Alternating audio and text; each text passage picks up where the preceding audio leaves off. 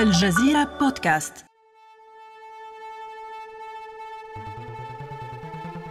كل 40 ثانية في شخص بينهي حياته بالانتحار. ده ما يعادل 800 ألف بني آدم سنوياً.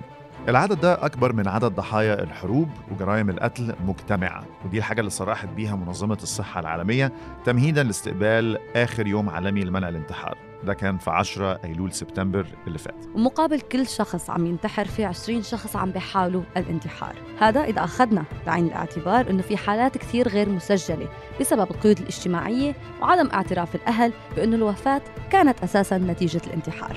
الانتحار بيعد هو تاني سبب للوفاة في العالم في أوساط الشباب من سن 19 لحد سن 29 بعد حوادث الطرق وكذلك في أوساط المراهقين من 15 لحد 19 سنة.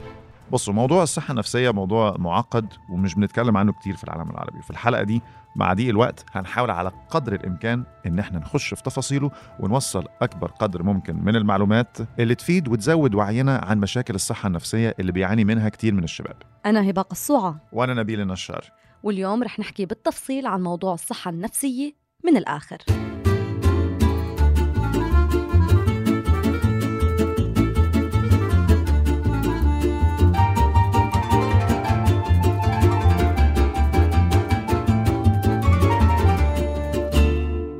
للأسف يا نبيل الأخبار بخصوص الصحة النفسية بالعالم العربي غير سارة أبدا. فبحسب منظمة الصحة العالمية الدول العربية فيها أعلى نسبة اكتئاب بالعالم والكثير من العرب ما بيتمكنوا أساسا يحصلوا على العلاج أو على الرعاية. الأسباب كثيرة إنه في عنا قلة موارد في انتشار للجهل بطبيعة هاي الاضطرابات النفسية وما ننسى السمعة السيئة والستيغما والنظرة السلبية للاضطرابات النفسية. خليني أديكي شوية أرقام. بيعاني 4.3% من العرب من الاكتئاب و4.1% من القلق اللي هو الانكزايتي وهي أكثر الاضطرابات شيوعا في العالم والنسبة مجتمعة أكبر من النسبة العالمية. ليه؟ في أسباب كتير. أحد أوضح الأسباب دي طبعا هي حالة الصراعات وعدم الاستقرار اللي بتسود المنطقة. ده بيؤدي إلى وصول عدد اللاجئين العرب إلى أكثر من نصف عدد اللاجئين في العالم وطبعا اللي بيمروا باللجوء ورحلة اللجوء كتير منهم بيصابوا بالاضطرابات النفسية. صحيح. وفي دراسة أجريت مؤخرا نبيل على مخيم للاجئين السوريين بتركيا. أظهرت هذه الدراسة أنه 45% من الأطفال عندهم أعراض اضطراب ما بعد الصدمة. يعني عشر أضعاف النسبة العالمية بين أطفال هذا المخيم. أيضا ظهرت أعراض الاكتئاب عند 44% من الأطفال وظهرت نسبة مشابهة لدى أطفال غزة والعراق. مصر على سبيل المثال احتلت المركز الأول من بين الدول العربية في عدد حالات الانتحار اللي وصلت في 2016 إلى 3799 حالة انتحار. تتفوق بذلك على الدول اللي بيها نزاعات مسلحة وحروب أهلية. السودان كانت في المركز الثاني ثم اليمن ثم الجزائر ثم العراق. 25% من المصريين بيعانوا من اضطرابات نفسية بحسب المسح القومي للصحة النفسية لسنة 2018 لكن وجود هذا المسح القومي للصحة النفسية مؤشر خير ودليل جيد على أنه بدأت الحكومات يمكن العربية تهتم بموضوع الصحة النفسية. بلبنان أيضا في 70% من المواطنين اللي تعرضوا لتجارب صادمة نفسيا بسبب الحرب. ثمان دول بس نبيل من بين 22 دولة عربية فيها قانون للصحة النفسية وحتى اللي عندهم قوانين فهي قديمة بعض الشيء وما بتطبق بشكل كامل. يعني في سياسات صحة نفسية. السياسات موجودة ب 12 دولة عربية فقط. بس ده غير القانون. غير القانون. ثمان دول عندها قوانين و12 عندهم سياسات. طبعا الدول اللي فيها سياسات لمعالجة قضية الصحة النفسية فقط سبعة منهم حدثوا هذه السياسات بالسنوات الخمسة الأخيرة. وإذا حكينا قد إيه بننفق بالعالم العربي على الصحة النفسية فقط ست دول عربية عندها ميزانيات مخصصة للصحة النفسية. مما يعني إن عدم وجود ميزانيات مخصصة للصحة النفسية أكبر من الدول اللي عندها إنفاق. أكيد. بس هون لازم نركز على أهمية العلاج النفسي اللي كتار ناس بيشوفوه إنه فقط حكر على الطبقة المرفهة اللي قادرة يمكن تروح لعند الطبيب م. النفسي وتحكي وتسأل عندها مصاري تدفع على زيارة الطبيب. العلاج النفسي ابدا منه رفاهية هو ضرورة. صح في زي صورة نمطية يمكن من الأفلام القديمة أو نظرة للمجتمع الناس اللي بتروح تشوف طبيب نفسي دي المشاهير الأغنياء ياي إيه مشاكلهم في الحياة؟ عندهم وقت فراغ. صح الناس دي عندها فراغ قوي عمالة تفكر في حاجات هي مش مشاكل أصلا. طبعا ده معتقد خاطئ. الاضطرابات النفسية ممكن تحصل لأي حد ما بتفرقش ما بين غني أو فقير آه، صحيح معافى ولا مريض ممكن تصيب أي شخص. في أسباب كتير يمكن آه بنعرفها آه ممكن تؤدي للاضطرابات النفسية مثل التروما أو الصدمة. إذا شخص مثلا عاش تجربة حرب أو لجوء لكن في عوامل أخرى أيضا بتخلي الإنسان يمكن أكثر عرضة ليصاب بهاي الاضطرابات. في ثلاث عوامل رئيسية. أول حاجة في عامل بيولوجي. ده العامل الوراثي المرتبط بالجينات. كل شخص مننا ليه استعدادية معينة لأمراض مختلفة. عند كتير من الناس بتبقى الجينات دي خاملة أو غير نشيطة inactive. واحيانا عوارض اجتماعية أو بيئية معينة ممكن تعمل trigger للجين ده وتخليه يشتغل ويبقى نشيط ويبتدي الواحد يحس بالأعراض. العامل الرئيسي الثاني هو العامل النفسي. ده بيتمثل في التجارب اللي بيتعرض ليها الشخص خصوصا في مرحلة الطفولة سواء كانت صدمات أو فقدان لشيء أو اعتداءات جسدية عاطفية أو جنسية. والعامل الأخير هو العامل الاجتماعي. وهنا بيجي دور التجارب اللي بتحصل في بيئة الشخص حواليه زي الطلاق فقدان أحد المقربين ليه المرور بتغييرات جذرية كبيرة في الحياة زي الهجرة مثلا من الوطن أو العزلة الاجتماعية الوحدة المرض الشديد مثلا التعرض لضغط شديد لفترات طويلة الفقر. بيكون عامل صحيح آه، فقدان الوظيفة وغيرها كتير من يعني في عدد لا حصر ليه من التجارب البيئية اللي ممكن بتأثر على نفسية الشخص نحن يمكن أكثر شيء بنحكي عن الاكتئاب والاضطراب ثنائي القطب الخرف الفصام والقلق أو الانكزايتي لكن هون لازم نعرف إنه في كتير اضطرابات نفسية يمكن ما بتظهر عوارضها على الشخص أحيانا بتكون غير ظاهرة ابدا الشخص. تماما صح؟ ما يعني ما بتتخيل بحياتك إنه هذا الشخص عم بيعاني من القلق أو من الاكتئاب لأنه الاضطرابات النفسية نبيل دائما تصحبها يمكن وصمة العار ففي كتير ناس بيحاولوا يخبوا هي المشاعر. وهنروح بعيد ليه؟ لينا إحنا صديقة مقربة جدا مني أنا وهبة. كانت لسه بتحكي لنا الأسبوع اللي فات عن زميلها في الشغل بتشتغل معاه بقالها فترة طويلة جدا. دايما بتشوف إن هو قد إيه شخص مبتهج ولطيف. حد يبان عليه إنه حياته مية مية. وجت في يوم الصبح الشغل بعد عطلة نهاية الأسبوع بيسألوا فين فلان؟ آه ما فيش فلان. بعديها بشوية جاء أخوه وقال لهم إن هو انتحر. كانش بدون أي عوارض. بدون أي عوارض باينة أو ظاهرة للشخص. لو الشخص ما قالكش بطريقة مباشرة أنا بعاني من الاضطراب النفسي الفلاني ما تقدرش تعرف ما تقدرش تحكم ما تقدرش تجزم الشخص اللي قدامك ده صحيح معافى أم بيعاني من شيء صعب جدا. ويا ترى لما يجي شخص عزيز علينا قريب منا صديق قريب أخ أو أخت زوج أو زوجة ويخبرنا أنه هو عم بيعاني من هاي الاضطرابات النفسية. كيف نتعامل معه في كتير أخطاء شائعة يمكن بنقوم فيها بدون ما نعرف. رح نحكي عنهم كلهم بعد الفاصل.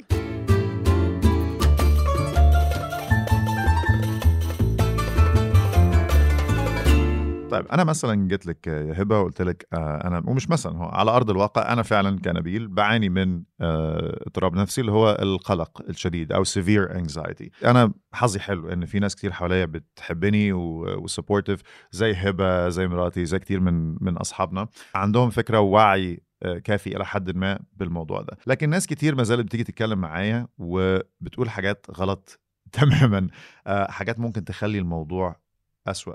إيه بعض ال خلينا نسميهم ال dos and don'ts الحاجات اللي نعملها والحاجات اللي ما نعملهاش. لو أنت تعرف حد قريب منك بيعاني من اضطراب نفسي معين تتكلم معاه إزاي؟ تتعامل معاه إزاي؟ لأن أنا متأكد إن نية ناس كتير إنها تساعد. صحيح. صاحبك وحد بتحبه و... و... ونفسك إنك تصلحه فورا. دلوقتي يعني طب لا لا عم- أوعى.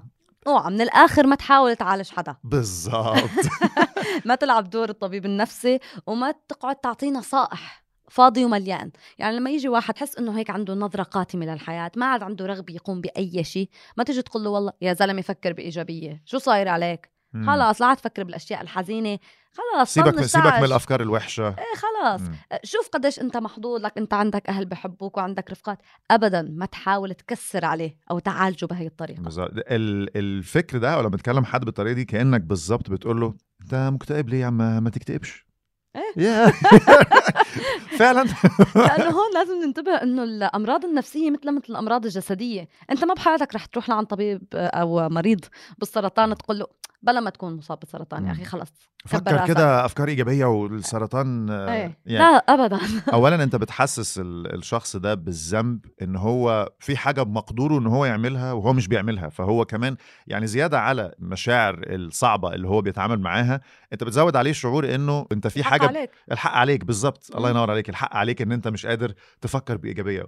فعليا بشكل بيولوجي وعضوي في حاجات معينة في المخ فعلا منعاه physically انه هو يفكر أفكار إيجابية. أنت بتساعده اذا بتقول له روح شوف حدا مختص. حاول تحسسه إنه هو منه لحاله؟ قل له أنت منك لحالك أنا معك أنا فهمان عليك أنا حاسس فيك. بس ما تحاول يمكن تقلل من أهمية الشيء اللي هو عم بحكي لك ما إياه. تسفهش وما تستخفش بالموضوع. زي ما ذكرنا ال- الاضطرابات النفسية دي بعضها مش كلها وبعض الحالات مش كلها. ممكن بتؤدي في الآخر للانتحار ودي نتيجة سيئة بالتالي مفيش أي حد في الدنيا عايزها. الكلام عن الاضطرابات النفسية بانفتاح وتجنب الصمت هو أحسن حاجة تقدر تعملها سواء أنت بتمر بتجربة مع اضطراب نفسي أو تعرف حد بيمر مع تجربة. اتكلم معاه في الموضوع بانفتاح لو هو أو هي حابين. لو لقيت الشخص عنده رغبة إن هو يتكلم في الموضوع ده ويتفضفض شجعه وخلي الكلام عادي وخلي الكلام مع اصحابكم على سبيل المثال طالما هو مرتاح بكده طبعا ما تضايقوش لو هو حابب يخبي في الآخر هو ما تجبره يحكي لأن إحنا الاصدقاء بنعمل هاي القصص بين بعض. لا لا بالله عليك تحكي له شو صاير معه ليه بالظبط طيب؟ افتح لي قلبك ما أنا رفيقتك. تجنب ال- الحديث في الموضوع ده والصمت هو للأسف بيؤدي لأكبر قدر من تفاقم المشاكل دي اللي في أولها ربما ممكن تكون يسهل التعامل معاها لكن على مر سنين العقد بتزيد وتتكلكع أكتر. صحيح. ويبقى حتى مع مساعدة الطبيب النفسي ومساعدة كمان الأدوية تكون تقدم المرض بالظبط لكن إذا نحن لاحظنا إنه حدا مقرب لنا صار يشرب كحول شي بزيادة مش من عوايده. صار يلجأ للمواد المخدرة حتى لو كانت بس حبوب النوم مهم. لتساعدوا على النوم لأنه الأشخاص اللي بيعانوا من اضطرابات نفسية عادة بصير عندهم مشاكل بالنوم يا إما إفراط كتير بالنوم. أو قلق بيمنعهم من النوم أهم شيء نحن ما نقوم نهددهم والله إذا ما بتبطل شرب أو اخذ هاي الحبوب أنا رح أتركك. ما عاد تحكي معي لا بعرفك ولا بتعرفني. نضغط عليهم هيك نحن we call tough love. ده بيزيد من. بيزيد من العزلة. أنت كده بت- بتحط مسافة بينه وبين الناس اللي حواليه اللي بتحبه وفعلا يهمها أمره أكتر وأكتر وبتحسسه بالذنب أكتر وبتحسسه بالوحدة أكتر. الناس كتير ما تعرفوش عن الاضطرابات النفسية إن هي ممكن جدا تحصل لناس علاقاتها الاجتماعية ممتازة. صحيح. حواليه متجوز ومخلف وحواليه أهله وناس بتحبه وكل حاجة ومع ذلك عرضة جدا إن هو يصاب بحاجة زي كده. آه، ممكن يبان من بره إنه متواصل كويس مع اللي حواليه لكن من جوه وحيد. ممكن يكون شخص كتير ناجح بشغله أو متفوق بمدرسته ومع هذا يكون عنده هاي الاضطرابات اللي ما عم بيقدر يفصح عنا هلأ اخونا في الدكتور عبد الستار إبراهيم اللي بيحكي لنا يمكن عن أهم الأشياء اللي ممكن نحن نقدمها للشخص اللي عم بيعاني من اضطرابات نفسية لنساعده فعليا على تخطي هاي المحنة يمكن والتعافي. من هاي الاضطرابات. أهم شيء يمكن يا نبيل إنه نقدم لبعضنا البعض الاهتمام الحقيقي.